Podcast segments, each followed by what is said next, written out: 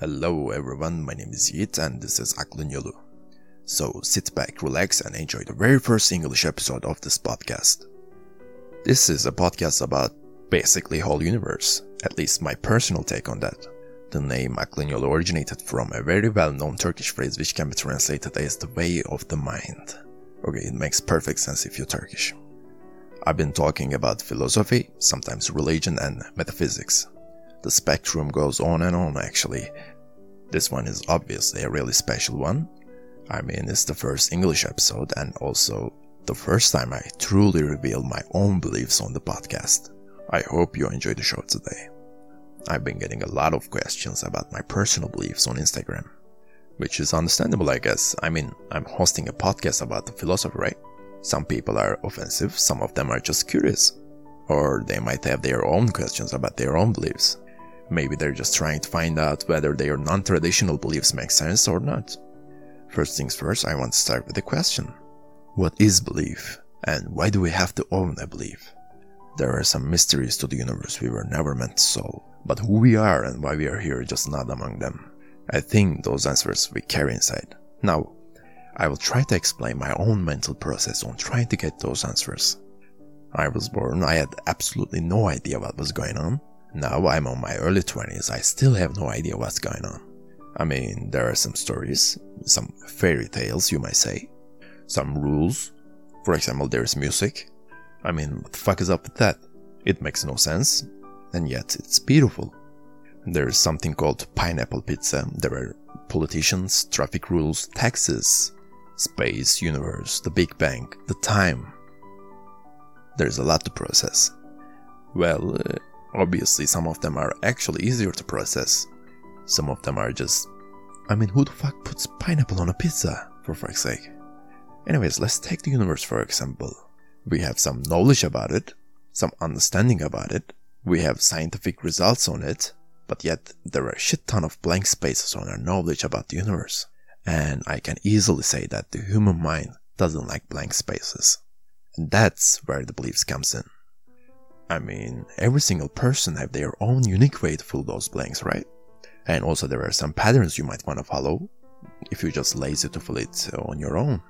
Well, that's what we call religion. I'm not a religious person, and yet I have beliefs. A shit ton of them actually. My own beliefs. Like you. It's somewhere close to radical constructivism. So what is it? Radical constructivism does not deny an objective reality, but simply states that we have no way of knowing what the reality might be. Mental constructs constructed from the past experience help to impose order on one's flow of continuing experiences. I have some ideas. For example, I believe the human soul, not like a ghostly soul, but some kind of immortal ego, you might say. What do I mean by that? Well, let's start with what is immortality. And for that, let's talk about the infinite time. As you know, our way to experience the time is linear, one thing at a time, right? There is a present time. When it goes away, we're left with an experience about that time, which what we call the past. And there are some things that we haven't experienced yet, what we call the future. Just think it as a car trip. We're going somewhere. Just because we haven't reached our final destination, it doesn't mean there is no final destination. There is some final destination, there are some experiences we haven't experienced it yet.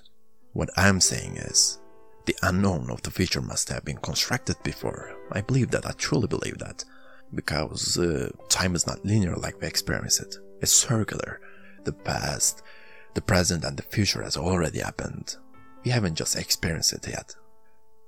When you ask me, I believe I know you don't mean a time concept, you mean religion, I know that. Now I will try to explain my take on that. I think religion is very well told fairy tale. The stories in it is just perfect. If you're having a depression over some blank space on your mind, you can just get a Quran or Bible uh, for filling those blanks easily. Because they are designed to do that. They have designed to help humanity. Designed by who is the real question. Is it designed by Almighty God or just a random Arabian guy who calls him a prophet? Well, it's both, I believe. God designed the universe, therefore he designed the earth, Therefore, he designed Homo sapiens. Therefore, he designed the Bible or Quran by designing the universe in the beginning. It's a marvelous thing to think about, actually. Some random Arabian guy wrote something about, well, basically, the whole thing, and we think it's God's words.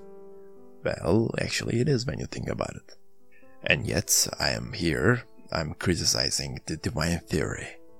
Because this podcast is also God's doing. Because, well, He designed the whole universe at the beginning.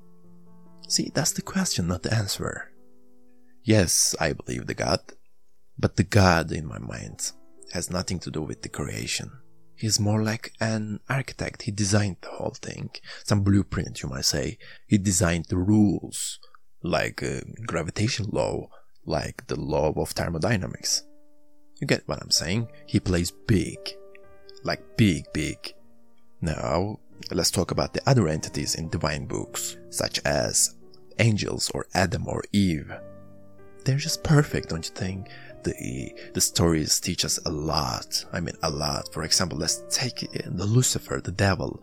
Once he was an angel, then he falls, now he's an outcast, the fallen angel. He started a rebellion on heaven and uh, now he pays the price of it. Okay, let's say I'm a, I'm a, I'm a politician. I have some powers, I have some authority over some concepts, and one day I decide to do exactly opposite of it. I start a rebellion. Now, of course, there's going to be some consequences over my actions. Now, I'm a fallen diplomat, an outcast, a prisoner. You see where I'm going with that? Bible or Quran is just a book that can be really useful actually, like a math book. Math books are really useful if you need to solve a math question. And the Bible or Quran is just useful if you want to solve some unique questions about the life, society's rules. If you start a rebellion, you end up in prison, I mean, the hell, just like the devil. That was my belief, so you can stop asking about it. And now let's uh, talk about why the fuck I spoke English the whole episode. Well, as I mentioned in the beginning of the podcast, people ask questions. Some of them are just really offensive, some of them are just innocent. Well, I have something on my mind. I think the people won't understand the concept of this podcast, won't try to understand this episode. Well, because of the understanding English is not common in Turkey. You need to listen carefully, you need to look up some words, etc. So by doing this episode in English, I have, uh, I believe, I have eliminated the most of the offensive uh, Quran warriors because they won't try. The ones who try has to be the ones who seek answers. Those offensive people doesn't seek the answers. So I try to, to differentiate those people. Also, who knows? Maybe one day I go international and uh, host a completely an English podcast. Thank you for listening. I'll see you on the next one.